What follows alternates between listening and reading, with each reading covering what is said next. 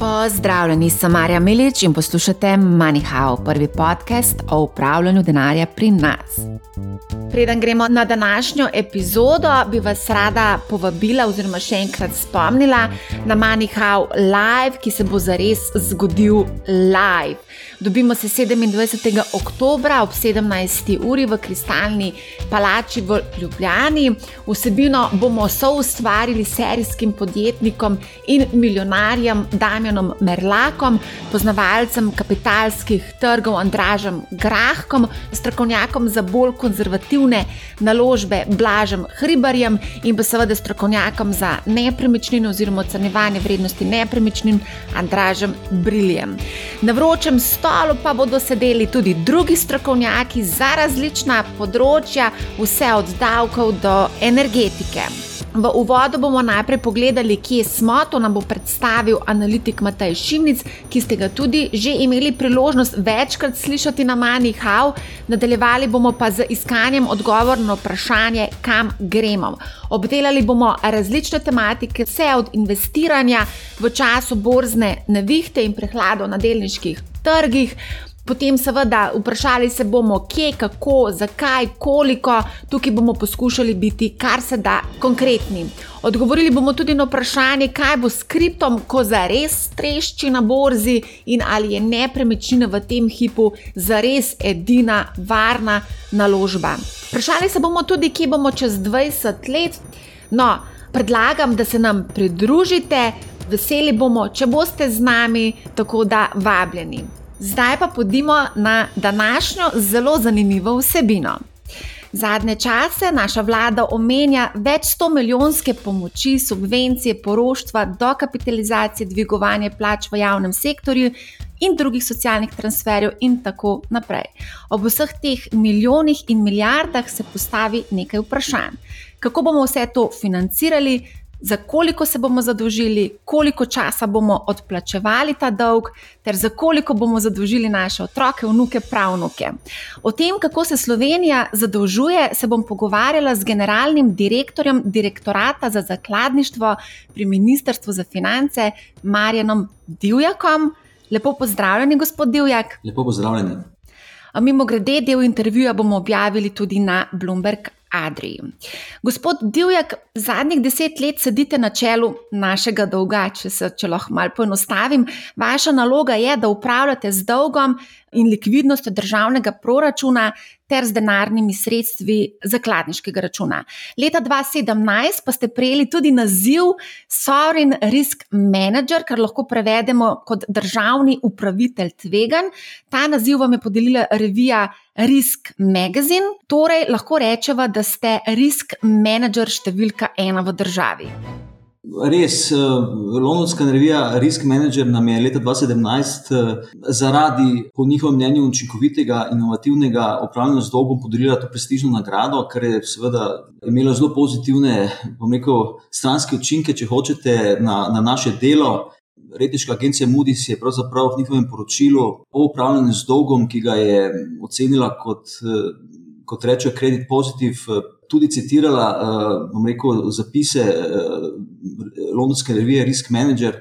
Pravzaprav te taka nagrada tudi vrsti na nek, nek zemljevid, eh, bom rekel, uspešnih upravljavcev eh, z državnim dolgom eh, in za tveganje. Ja, super.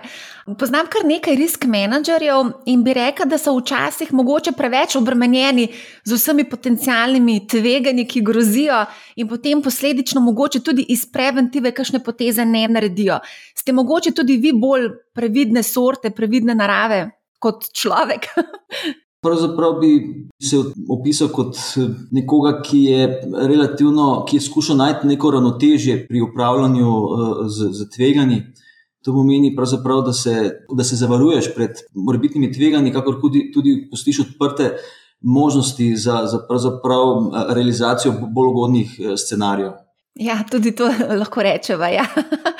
Um, Deva mogoče pogledati trenutno stanje. Trenutno imamo krizo, energetska kriza, predtem smo imeli korona krizo, še predtem smo imeli dožniško, bančno krizo, finančno-gospodarsko krizo.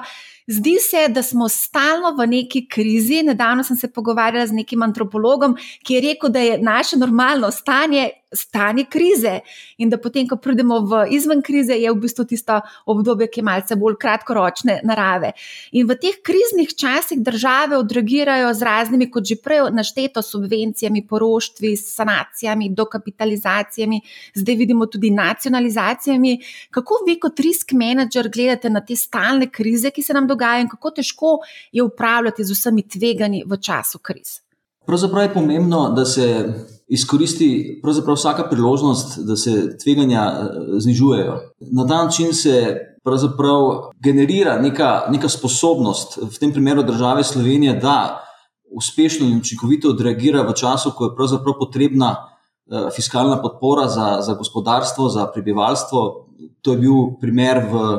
V času, ko je, potreba, ko je bilo potrebno dokapitalizirati bančni sistem, to je bila pač izrazito pomembna operacija, ki je omogočila eh, normalno delovanje bančnega sistema in, in začetek eh, gospodarske rasti, oziroma ponovno zagon gospodarske rasti v Sloveniji po letu 2014, v času COVID-a, ko je bilo potrebno pravzaprav eh, zaščititi potencial slovenskega gospodarstva, kupno moč slovenskega gospodarstva in, in na, na zadnje tudi danes, ko je potrebno pomagati najbolj ranljivim eh, skupinam prebivalstva in pa tistim sektorjem eh, gospodarstva, ki so najbolj prizadeti zaradi trenutnih eh, razmer. Ali lahko mogoče izpostavite krizo, ob kateri ste se, recimo, po noči zbujali? Po noči se zbujam pravzaprav kar pogosto, ne? v zadnjih desetih letih, dosti krat, moram priznati. Ja. Težko bi pa. Težko bi pa zdaj opredelil, eh, kdaj sem se po noči najbolj pogosto zbujal v teh desetih letih. Bi mogla kakšno analizo narediti? Verjetno bi lahko pobrskati dobro po, po spominu. Ja. Um, mogoče gremo nazaj na zakladništvo in zadožitve zakladništva. Mogoče lahko pojasnite na kratko, katere inštrumente in načine financiranja uporablja država. Država uh, izdaja uh, zakladne menice na, na rednih aukcijah. Uh, običajno je v posameznem fiskalnem letu 10 aukcij zakladnih menic, ki so 3, 6, 12 in tudi 18 mesečne ročnosti. Izdaja obveznice različnih ročnosti do, do 60 eh, let. Eh, uporabili smo tudi druge inštrumente, kot je eh, financiranje, kratkoročno financiranje z inštrumentom Repo, kjer smo z Repo poslom prodali za neko, neko kratkoročno obdobje obveznice Republike Slovenije. Ravno danes sem gledala, v bistvu, katere obveznice imamo v bistvu zdaj na trgu.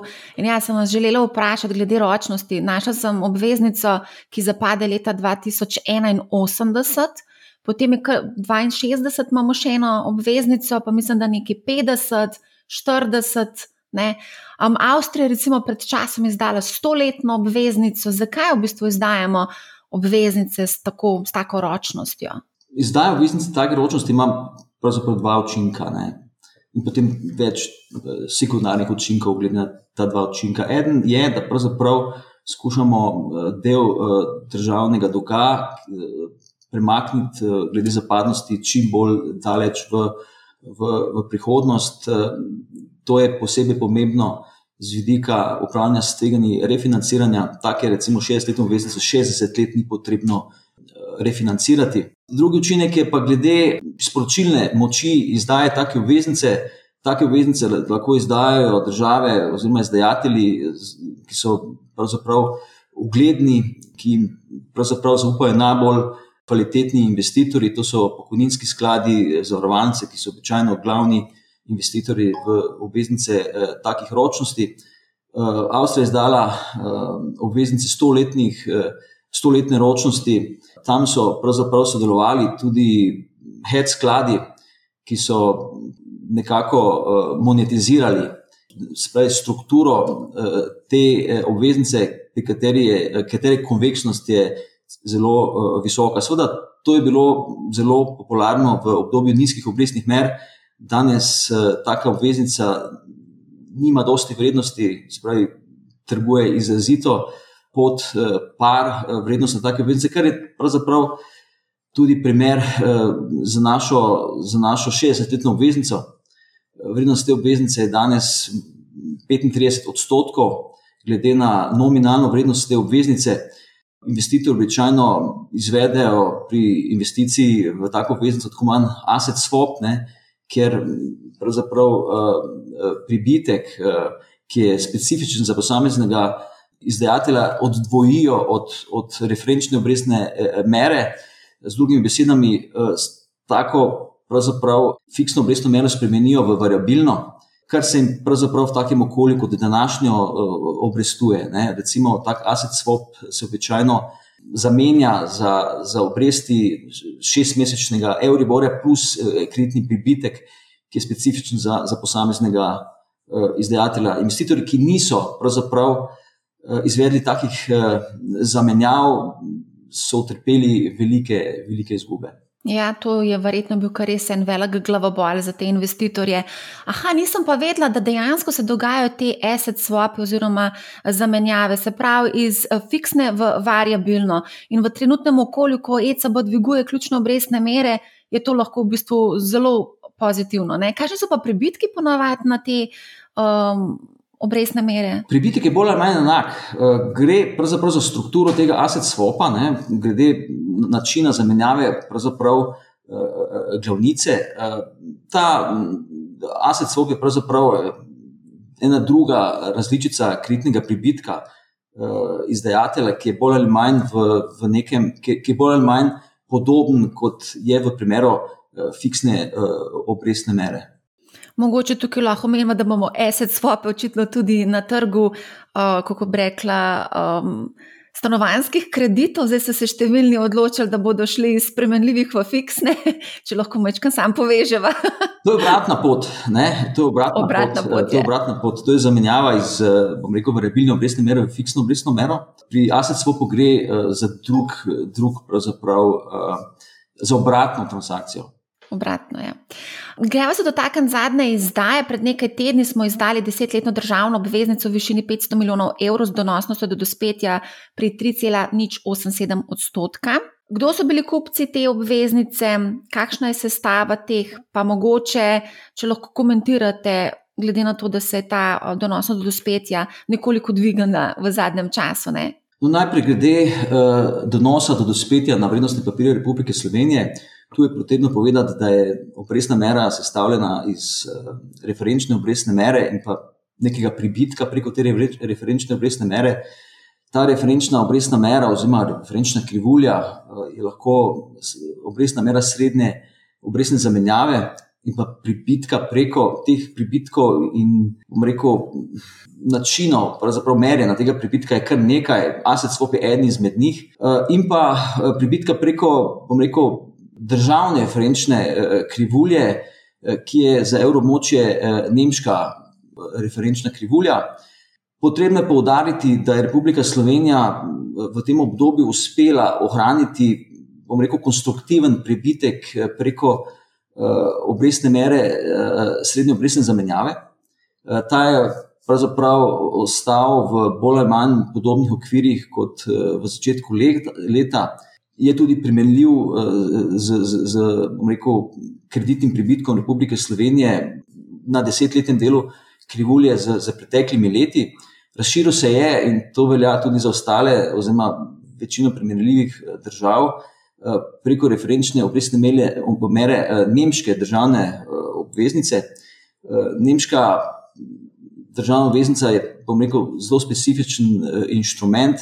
Investitorji ga kupujejo tudi zaradi regulatornih eh, razlogov in se v takih situacijah pravzaprav vnaša na, na zelo zanimiv način.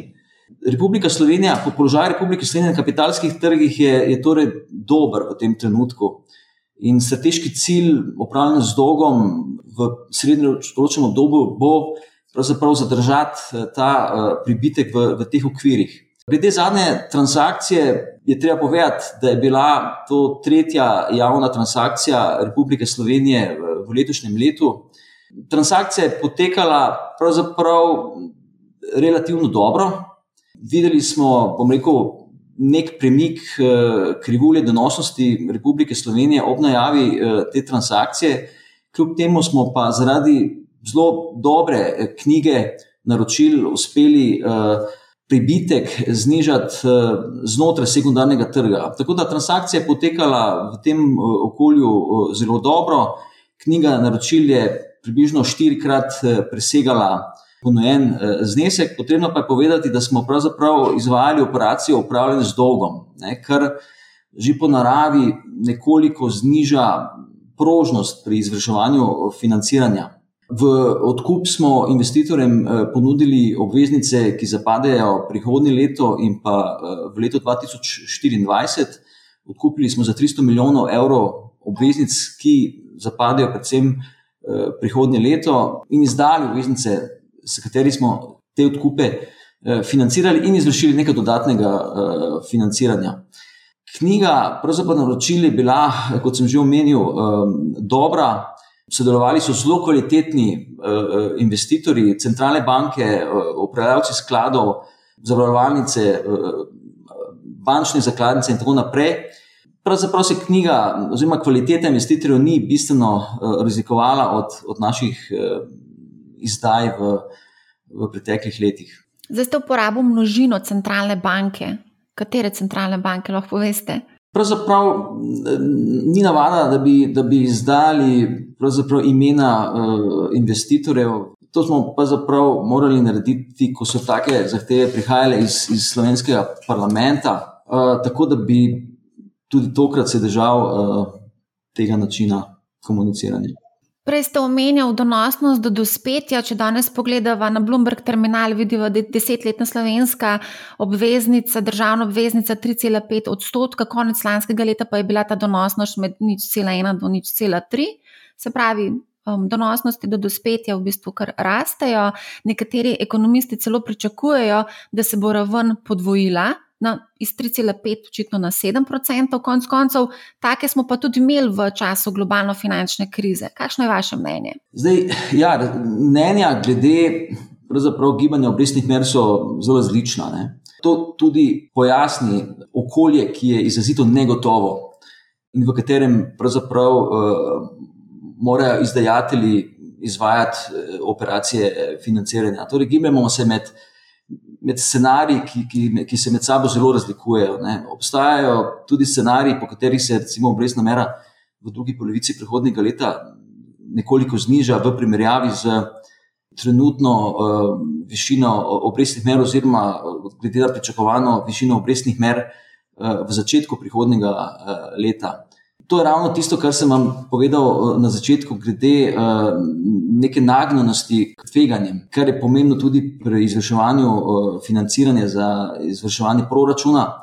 Se pravi, tudi glede neke pričakovane dinamike izvrševanja uh, financiranja v prihodnjem letu. Veliko bo odvisno, oziroma skoraj vse bo odvisno, kakšna bo reakcijska funkcija centralnih bank, glede na, na podatke o inflaciji. Odvisno bo tudi, eh, kakšen bo pristop eh, centralnih bank. Za nas je seveda najbolj relevantno evropsko območje, čeprav tudi dogajanje eh, v globalnem svetu. Odvisno bo, ne, kako bo Evropska centralna banka nadaljevala z uporabo inštrumentov, ki jih ima na razpolago, se soočati z izrazito povišeno inflacijo. To bo imelo posledice za, bom rekel, višino obrestne mere, za obliko krivulje. Eh, s tem predvsem mislim na, na dinamiko zviševanja obrestne mere in pa potencialnega prenehanja refinanciranja dolga, ki, ki zapada in je v lasti, eh, v tem primeru Evropske centralne banke, in potencialnega kvantitativnega zategovanja, ker mnogi tržni udeleženci pričakujejo, da bo centralna banka začela zniževati eh, bilančno soto na način, da bo začela prodajati obveznice, ki jih je v času uh, kvantitativnega sproščanja uh, kupovala. Bilančna sota bank, uh, centralnih bank v svetu so, so zelo visoke, tudi ECB, in pričakujemo osebno pritiske za zniževanje uh, bilančne sote ECB v prihodnjih mesecih. To debato že uh, konec uh, tega leta in, in seveda potencijalne uh, znižanje bilančne sote že v prvi polovici drugega leta. To bo imelo implikacije predvsem za obliko krivulje donosnosti v evropskem območju, ki je izrazito invertirana. Na ta način bo ECB potencialno uravnavala likvidnost v, v sistemu, ki je izrazito uh, visoka. Ne. To bi seveda imelo posledice za, za, za nas, ki, ki upravljamo z dolgovi državnega proračuna in seveda na ostale uh, izdajatelje. Kakšne posledice? Obrestna mera se v takem primeru lahko uh, dvigne, še dvigne, predvsem pa se, bo, uh, se lahko spremeni, oziroma se bi skoraj morala spremeniti oblika uh, krivulje, uh, krivulj donosnosti. Če pogledamo krivuljo donosnosti Republike Slovenije, vidimo, da je pravzaprav ta zelo depresivna, na kratkem koncu, razlikovati se začne od recimo nemške krivulje. V 4-5 letih uh, ročnosti uh, in je tudi izrazito uh, invertirana. To pravzaprav niso neke normalne oblike krivulj donosnosti, in tudi na različnih segmentih teh krivulje je dostop do, do financiranja lahko zelo različen. Uh, se pravi, Republika Slovenija je večino financiranja izvajala na desetletnem koncu Taka pričakovanja so tudi za leto 2023 in 2024, bo pa glede na negotovo okolje potrebno biti zelo eh, prožen pri uh, fleksibilni, če hočete, pri izvajanju eh, financiranja. Povedal ste kar nekaj zelo zanimivih zadev, pa bi mogoče se vrnila nazaj na tisti scenarij, ki ste omenili, da, da obstajajo neki scenariji in da en scenarij kaže celo možnost upadanja donosnosti do dospetja v naslednjem letu. Potem pa v drugem koraku smo pomenjali ECB in pa prodajanje obveznic, kar posledično pomeni pritisk na donosnosti eh, do dospetja. Kdo piše te scenarije? Pravzaprav te scenarije, eh, pravzaprav te napovedi delajo tržni udeleženci, ekonomisti, raziskovalni oddelk, eh, oddelki medicinskih bank. Ta poročila pač beremo, skušamo razumeti razloge za take, za take napovedi večina uh, investicijskih bank, ki proizvaja take napovedi, vidi, vidi znižanje obrestne mere v, v drugi polovici prihodnega leta, v primerjavi z prvo polovico prihodnega leta. Omenili ste, da, da imamo trenutno zelo veliko tveganj. Um, Podeva najprej eno tveganje, ki je tle blizu nas, soseda Italija, mogoče obdelati. V Italiji bo z delom, je z delom pričela nova vlada trgi so to sprejeli, mogoče malce mešano. Na začetku so donosili do, do spet desetletnih italijanskih obveznic, so se v bistvu precej burno odreagirale, potem so se malo umirile, ko je gospa imela prvi govor, ampak zdaj so se pa nazaj pospele na 4,7 odstotka. Eh, moj mir mrak, ki sem ga tudi gostila v Manihau, je povedal, da bi lahko Slovenija tudi zaradi Italije in povečanih političnih tveganj um, lahko plačevala oziroma se zadolževala dražje. Kako vi gledate na to? Ja, taka tveganja so realna. Pravzaprav to ni edino tveganje, ki mu je recimo Slovenija kot, kot izdajatelj, kot tržni udeleženec izpostavljena. Je pomembno tveganje, taka, bomo rekel, materializacija takih tveganj smo že videli, ko se je pravzaprav uh, pribitek Republike Slovenije razširil zaradi dogajanja uh, v Italiji. Tako da ta tveganja so, so realna. Pravzaprav pa bo v tem primeru odvisno predvsem od ekonomskih politik eh, eh, Republike Slovenije in ostalih držav evroobmočja. Z robustnimi ekonomskimi politikami je možno taka tveganja eh, omejevati, ki pa ne prihajajo samo z, rekel, iz Zahoda Slovenije, ampak tudi iz Shoda. Ne. Vse baltske države, države, ki mejijo na, na Ukrajino, so, so izpostavljene takim tveganjem. Eh, njihovi pribitki na državne obveznice so se izrazito razširili. Retiške agencije eh, so konvertirale eh, izglede njihovih bonitetnih ocen iz stabilnih v negativ, negativne. Podobno situacijo se čujemo pri Republiki Avstriji, tako da tveganja so zelo visoka in pomembno bo voditi zelo robustne ekonomske politike. Kakšni so pa vaši scenariji glede same inflacije? Očitno je ta bolj trdovatna, kot smo sprva mislili. Ta je bistveno bolj uh, uh, trdovratna, kot so, kot so mnogi mislili. Sam sem verjel, da inflacija je resen problem, že bom rekel, nekje sredi uh, lanskega leta. Kriza v Ukrajini, vojna v Ukrajini je te stvari poslabšala in krizo poglobila. Tako da, da je pravzaprav dinamika glede uh, uh, inflacije izrazito, izrazito negotova. Uh, sam ne bi želel napovedovati inflacije v srednjeročnem obdobju, kar je pač za nas pomembno, je, ne, da, smo, da smo se pravzaprav na tak scenarij v direktoratu za zakladništvo izrazito dobro pripravili.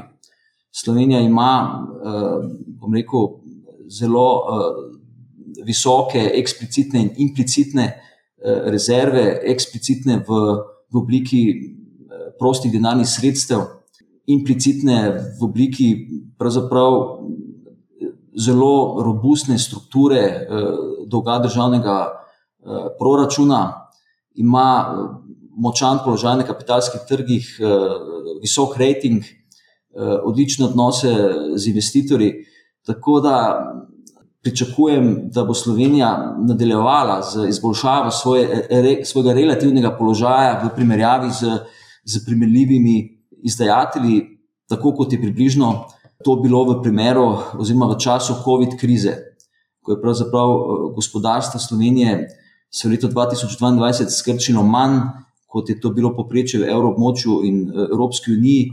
In se hitreje eh, odbilo v letu 2021, in tudi v letošnjem letu. Ja, ampak ta povišena inflacija lahko verjetno zelo vpliva na zadolževanje države. Na eni strani se borimo proti dragini, na drugi strani se soočamo z rastjo stroškov financiranja, pa tudi zahtevami po rasti plač v javnem sektorju. Konec koncev je pa tudi vlada napovedala leta 2023, da se bo podala v boj z energetsko krizo s petimi milijardami evrov. Pa me zanima, ali se bomo zadolžili za še dodatnih pet milijard evrov, poleg že obstoječih in vračunanih aktivnosti. Direktoratu za zakladništvo pravzaprav odčitamo proračunske številke, temu dodamo uh, potrebno financiranje uh, za poplačilo glavnic uh, in za, pot, za potencijalno vzdrževanje neke ravni likvidnosti državnega proračuna, na tak način sestavimo uh, potrebno financiranje za neko, za neko proračunsko leto. To smo pravzaprav naredili oziroma to delamo tudi za, za prihodne leto in za leto 2024. Pravzaprav uh, pričakujemo, ne, da, bo, da bojo ukrepi robustni, uh, da, bojo, da bo fiskalna podpora targetirana da, in da bo to pomagalo blažiti uh, posledice visokih cen energentov uh, in hrane. Če smo pošteni, ne, je, je naloga vsake vlade, da v takem primeru pomaga najbolj ranljivim uh, skupinam prebivalstva, sektorjem uh, gospodarstva, ki to, to pomoč uh, uh, potrebujejo. Uh, Sveda, taka pomoč mora biti uh, ustrezna, ne sme dodatno uh, povečevati inflacijskih pritiskov in inflacijskih uh, pričakovanj. Z našega vidika je pomembno, da izvajamo uh, program financiranja uh, prihodnje leto in pravzaprav v srednjeročnem obdobju na način, da ohranjamo rekel, odličen položaj Republike Slovenije na kapitalskih trgih. V tem kontekstu je, kot sem že omenil, uh, najbolj pomemben pribitek Republike Slovenije preko nekih referenčnih obrestnih mer na eh, referenčne obrestne mere v takem okolju pravzaprav ne moremo vplivati, v veliki meri pa lahko vplivamo na, na kritni pribitek Republike Slovenije, ki je pa zapravo specifičen za Slovenijo in, in, in pravzaprav odraža kvaliteto fiskalnih eh, politik, eh, eh, rekel, stanje v, v bančnem sistemu, institucionalno trdnost eh, eh države in tako naprej. Ja, Mogoče bi tukaj komentirala to, da pač prišlo je do rebalansa, fiskalni svet pravi, da je ta nerealističen. Kako se uravnavajo potrebe po nepredvidenih spremembah in rebalansih? Imate tu kakšno posebno strategijo? Samo osebno imam odličen odnos s fiskalnim svetom, mnoga zadnja leta in vedno eh, zelo detaljno predstavim eh, operacije upravljanja z dolgom. To, da so kritični do katerekoli vlade, pač pomeni, da, eh, da Slovenija ima delujoče inštitucije, da je institucionalni okvir uh, dober, investitorji uh, to uh, seveda spoštujejo, njihovo mnenje je, je za njih uh, pomembno. Pomembno je, kako bo pravzaprav Slovenija izvajala podporo prebivalstva in gospodarstva v primerjavi z, z, z Evropo kot tako. Evropa, pravzaprav Evropska komisija, nekako oblikuje ukrepe na tej skupni ravni. Se pravi, uh, za nas je pomembno, da, da kot direktorat za zakladništvo naredimo vse, kar je v naši moči, da ohranjamo uh, položaj Slovenije na kapitalskih trgih v odlični uh, kondiciji, da investitorji, ki so investirali v dolg Republike Slovenije skozi širitev pribitka, ne utrpijo škode. Pri tem ni pomembno samo novo financiranje, potencijalno dražje financiranje Republike Slovenije, ampak tudi vpliv na investitorje, ki dolg Republike Slovenije že imajo vlasti. Za nas je potreben, eh, zelo pomembno, stanje na, na sekundarnem trgu obveznic Republike Slovenije. Trgovanje z obveznicami Republike Slovenije je, je obsežno. V zadnjih 12 mesecih je bilo v obsegu 13 milijard evrov, in pomembno je, da, da ohranjamo oziroma da izvajamo aktivnosti, ki so v podporo trgovanju uh, z dolgom Republike Slovenije na sekundarnem trgu. Mogoče bi tukaj omenila, veliko se govori o smiselnosti fiskalnega pravila, uh, ki nalaga državam cilj največ 65 odstotkov državnega dolga v BDP in 3 odstotke proračunskega primankljaja. Zdaj, če pogledamo danes dolg sektorja, mislim, na kon, konec lanskega leta, dolg sektorja države v deležu BDP je 74,5 odstotka iz statističnega urada, to zdaj uh, berem. Sploh ni več prostora za zadolževanje Slovenije na finančnih trgih, če postavimo to v kontekst fiskalnega pravila. Slovensko fiskalno pravilo v tem trenutku ni v funkciji, tako, tako rečem. Imamo pravzaprav fiskalni svet, ki poda mnenje na proračunske dokumente, ki jih eh, spremlja vlada in kasneje potem v postopku odobritve v parlamentu. Fiskalno pravilo, ki je bilo v veljavi eh, v Republiki Sloveniji, je pravzaprav eh, fiskalnim oblastem nalagalo, da v ciklu ekonomije, ko je proizvodna vrzel pravzaprav pozitivna, mora imeti proračun Republike Slovenije strukturni primankljaj enak uh, nič.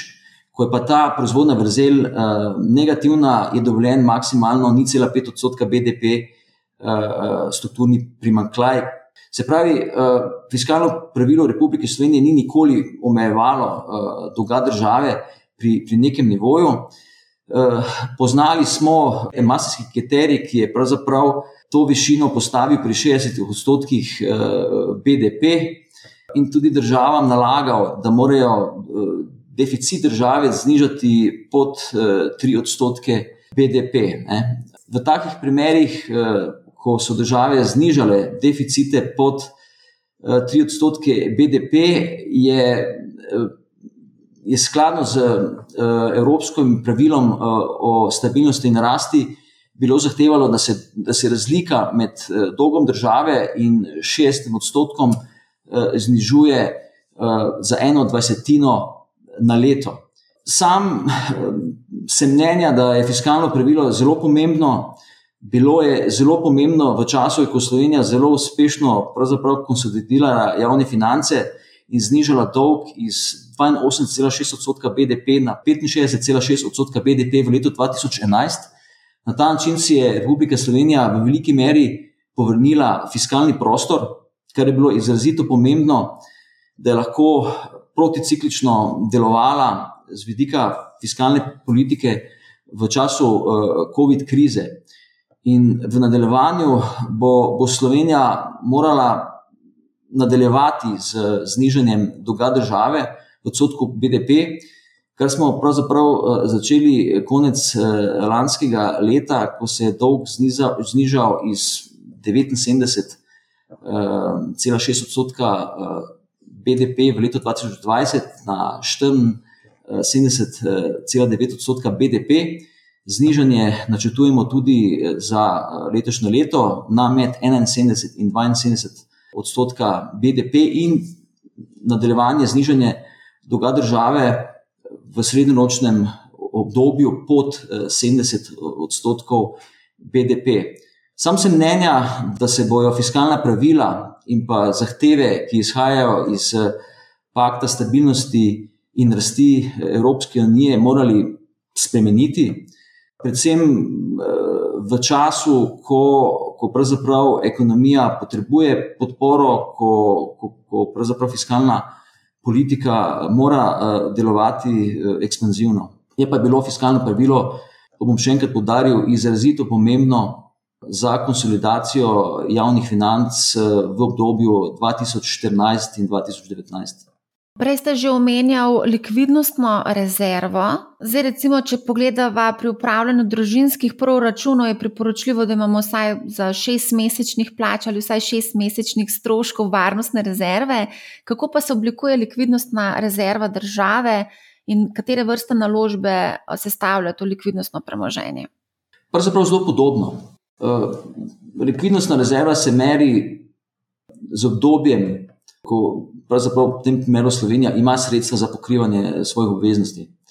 In ta likvidnostna rezerva Republike Slovenije je v tem trenutku visoka in, in pravzaprav uh, zadošča za pokrivanje uh, potreb uh, državnega proračuna za precej dolgo uh, obdobje. V tem negotovem času je zelo težko povedati, kako dolgo je, je, je to obdobje. Um, denarne rezerve v tem tudi še vedno znašajo, uh, oziroma stanje uh, enotnega zakladniškega računa znaša še vedno 9 milijard evrov, uh, kar bo pravzaprav Sloveniji uh, omogočalo bistveno bolj ugoden položaj na kapitalskih trgih prihodnje leto.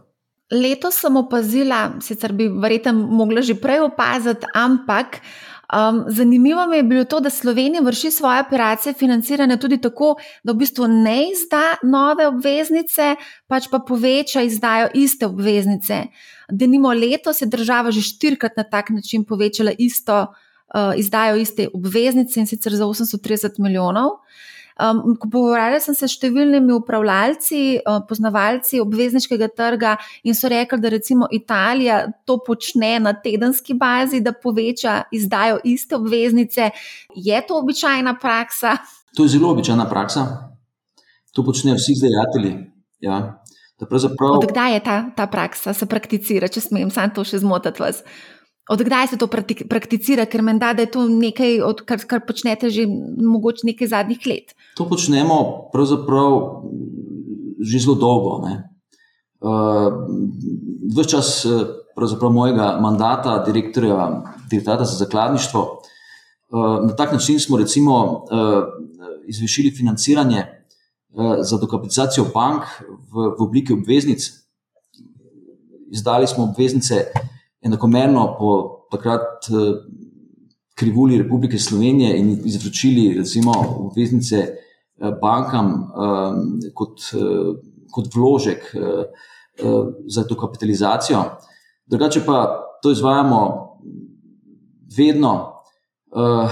Mogoče smo letos to izvajali v, v, večjem obsegu, tudi na način, ko smo obveznice izdali na podlagi povratnega popraševanja uh, investitorjev, uh, pri čemer smo financiranje izvršili še nekoliko bolj cenovno ugodno za državni proračun, ampak to izvajamo pravzaprav že dolgo časa.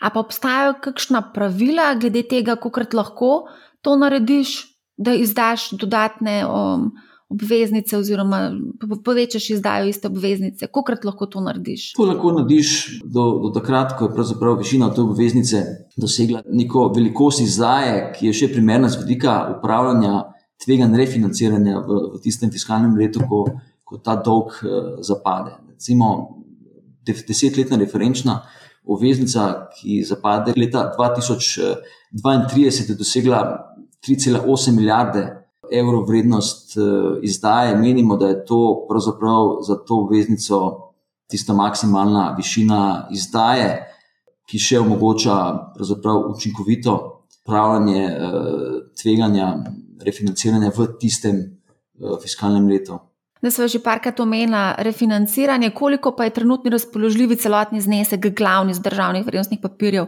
ki zapade v tem in v naslednjem letu, ter kakšne so potrebe po refinanciranju. V tem letu smo bolj ali manj zagotovili uh, financiranje. V drugem letu pa zapade 1,6 milijarde evrov glavnic in 2 milijardi v letu 2024.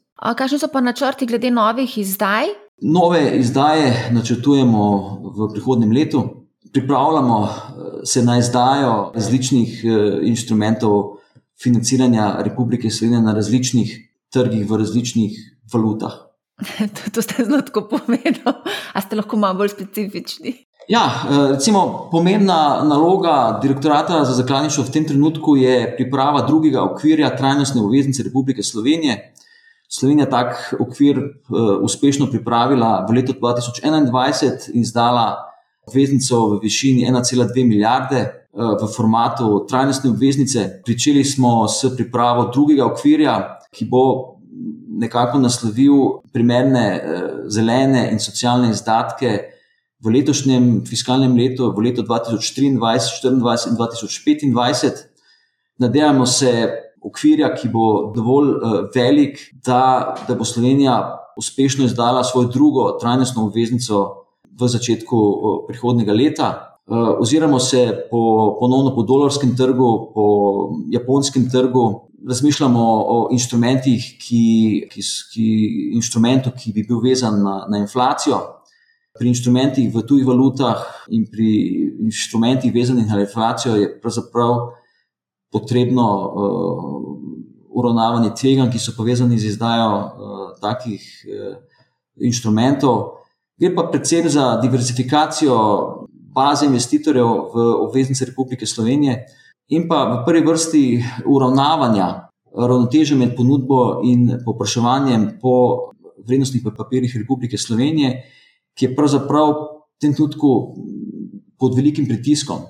In pričakujemo, da bo zaradi prenehanja, morebitnega prenehanja refinanciranja dolga, ki zapade strani Evropske centralne banke in potencijalne prodaje vrednostnih papirjev, ki so jih nakupili v času kvantitativnega sproščanja, to še pod bistveno večjim pritiskom. Možen način uravnavanja ponudbe in popraševanja po, vredni, po vrednostnih papirjih Republike Slovenije je prav ta, da širimo bazo investitorjev in inštrumente financiranja Republike Slovenije. Zdaj ste povedali kar nekaj zanimivih stvari. Recimo, za kar se tiče, iz, uh, Slovenija ima tri obveznice, ki so denominirane v ameriškem dolarju zapade ena naslednja, oziroma letos, 26. oktober, maja leta 23 in februarja 24. Tukaj imamo prisotno valutno tveganje, trenutno je dolar kralj valut. Kako, kako gledate na to? Omenjali ste tudi japonski trg, ali imamo mogoče že danes kakšno obveznico, ki je denominirana v uh, jenu? Obveznice, eh, denominirane v japonskem imenu, še nimamo. Po tem trgu se, se oziramo, Eh, imamo zelo uh, dobre odnose z investitorji na japonskem. Drugače pa je stvegani, ki izhajajo iz izdaje obveznic v tujih valutah, potrebno upravljati. Pri, pri takih izdajah izvršimo tako imenovano valutno zamenjavo. Ta se je sestavljena iz, iz dveh obrestnih zamenjav in tako imenovane basis uh, zamenjave. Na tak način pravzaprav ustvarimo sintetično zadožitev v, eh, v evrih. Eh, tako da so nam eh, denarni tokovi znani v, v evrih. Glavnico, ki jo prejmemo v, v evrskem znesku, tudi v evrskem znesku v isti, v isti višini vrnemo za poplačilo dolarskega dolga, ne glede na gibanje tečaja med, med evrom in dolarjem je to zelo enostaven opis eh, te operacije. Ta operacija pravzaprav je bistveno bolj komplicirana, potrebno je upravljati z različnimi tveganji, tudi s kreditnim tveganjem, ki izhaja iz take izpostavljenosti. Valutna zamenjava se sklene z investicijskimi bankami, ki, ki pravzaprav ponujajo te storitve. Omenil ste tudi neke produkte, vezano na zaščito pred inflacijo. Tukaj govorimo o Treasury, Inflation Protected Securities, o tem se je zelo veliko govorilo v Ameriki. Ja, mnoge države izdajajo obveznice, ki so uh, vezane na inflacijo. Najbolj nekako razširjen je kanadski model, ki prilagaja glavnico glede na, na indeks, ki je vezan na, na inflacijo. Pravzaprav v tem primeru gre za zaščito investitorjev, ki so kompenzirani za inflacijo uh, za čas rekel, trajanja takega inštrumenta. Na drugi strani se izdajatelj lahko ščiti pred morebitnimi prekomernimi izdatki, ki nekako so posledica izdaje takih inštrumentov, in to, to bi bil tudi naš eh, namen. Pomembno je, ne, da, da je to dodatna baza investitorjev. Uh, moram pa povedati, da pravzaprav v tem trenutku uh, o tem inštrumentu šele razmišljamo. A, bi vas pa še nekaj vprašala, vezano na recesijo. Vem, da umor recesije ne vidi, vidi stagflacijo, pa me zanima, kako se risk manager pripravlja na recesijo oziroma stagflacijo. Zdaj smo že omenili pač te produkte oziroma uh, te inštrumente za zaščito pred inflacijo.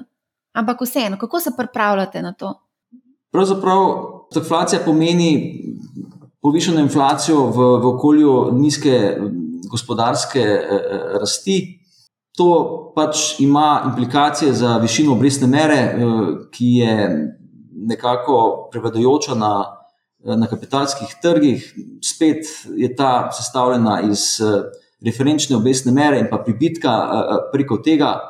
Mi se pripravljamo, da pravzaprav pribitek, na katerega v veliki meri lahko vplivamo, ostane v takem konstruktivnem kontekstu, kot je, kot je, kot je danes pravzaprav je to pomembno eh, delo, ki smo ga opravili v, v preteklosti. V direktoratu za zakladništvo smo, po, po mnenju mnogih, eh, uspešno naslovili vsa tveganja, ki jih je Republika Slovenija prevzemala, predvsem v obdobju sanacije bančnega sistema. Eh, tako da je risk metrika dolga državnega računa robustna in nam to pravzaprav omogoča zelo učinkovito izvrševanje financiranja za potrebe proračuna v srednjeročnem obdobju.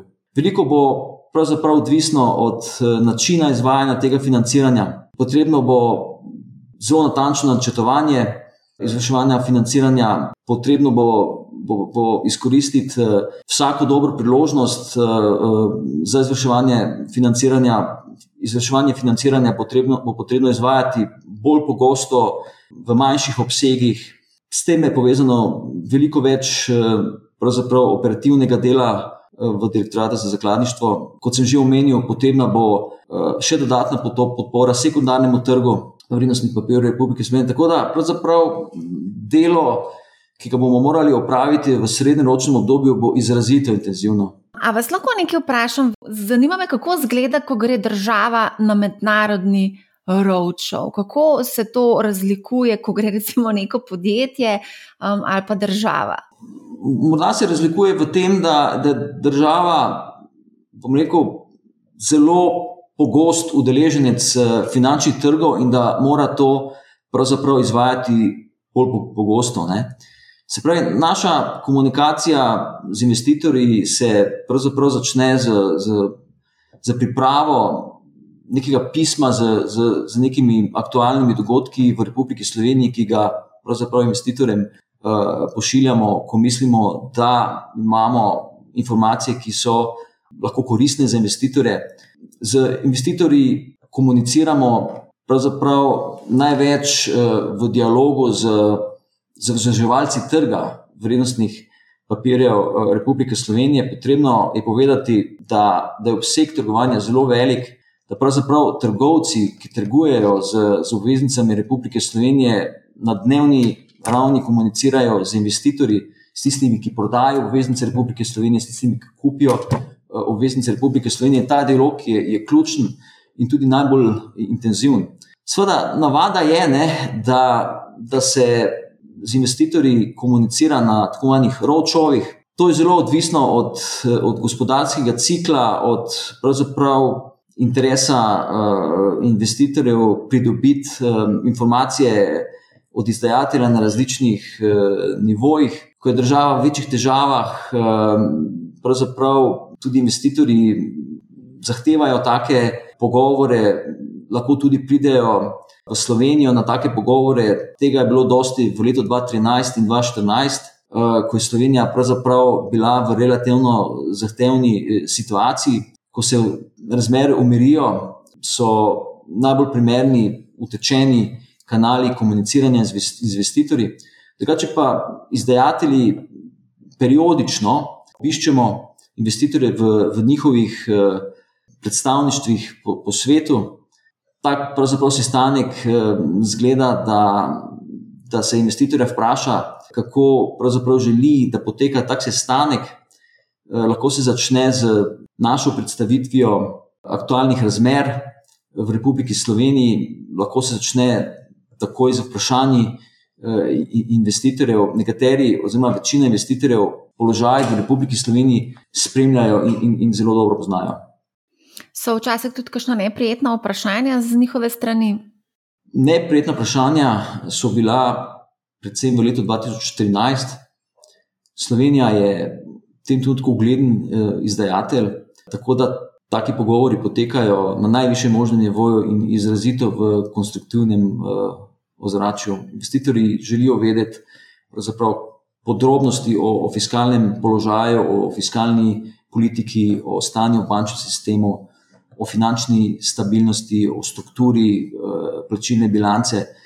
In pa seveda o, o načinu in, in strategiji upravljanja z dolgom. To sem vas vprašala, zato ker zdaj se dogaja vezano na petrol in geoplin, ampak ne bova šla v to zgodbo.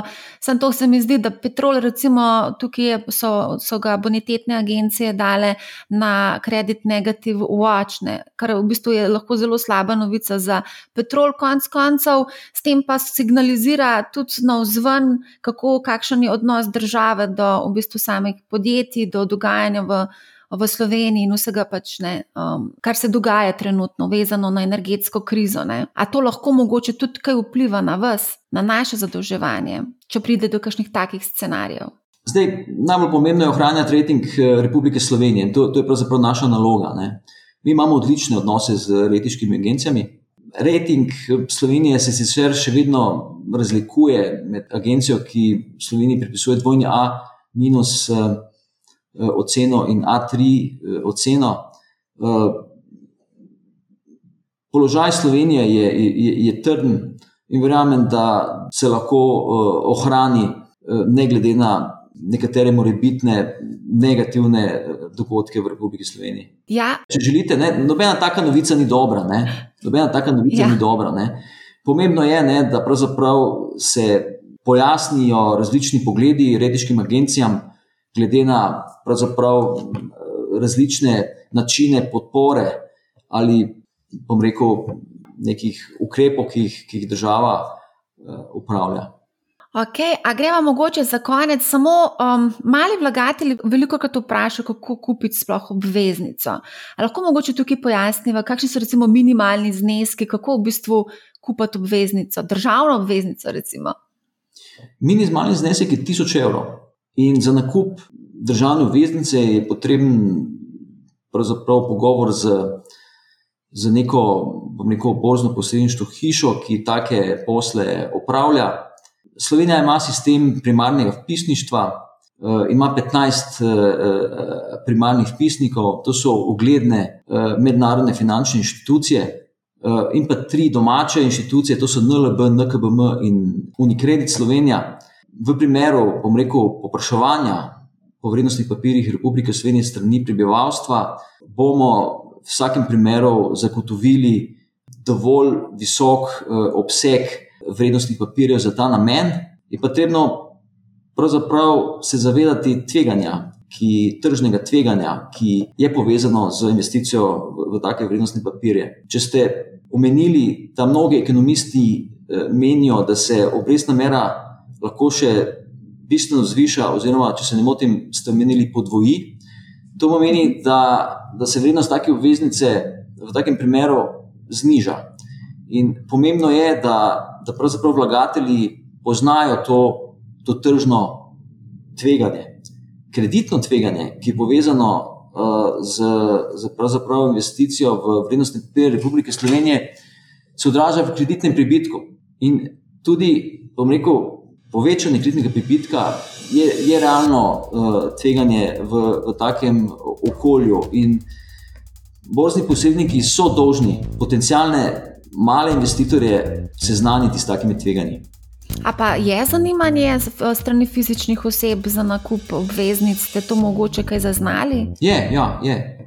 A pa imamo kakšno statistiko, da bi se vodila, da bi lahko rekli, ne vem, koliko investicij je bilo strani fizičnih oseb eh, opravljeno. Tega je malo. To verjetno bi. Tega je malo, malo pravzaprav statistika je, je zanemarljiva, je pa pravzaprav ta interes znan in ne izključujemo, da se bo v nadaljevanju povečeval. Je pa seveda, kot ste omenili, potrebno um, opozoriti na vsa ta tveganja, ki smo jim izpostavljeni, če investiramo. A mogoče tudi vi investirate, mogoče ne obveznice, delnice, ETF-e? investiram, investiram. Uh, investiram v, v, v sklade na mesečni ravni, odvajam nek del svojega dohodka za ta namen in s tem nameravam tudi na podoben način uh, nadaljevati. No, super. Najlepša hvala, gospod Divjak, za odlično debato. Mislim, da je marsikateremu poslušalcu zdaj tudi bolj jasno, kako poteka zadolževanje na državni ravni. Hvala, da ste bili gost Manihau. Hvala lepa vam. Dragi poslušalci in gledalci, poslušajte Manihau, ne bo vam žal in lep pozdrav.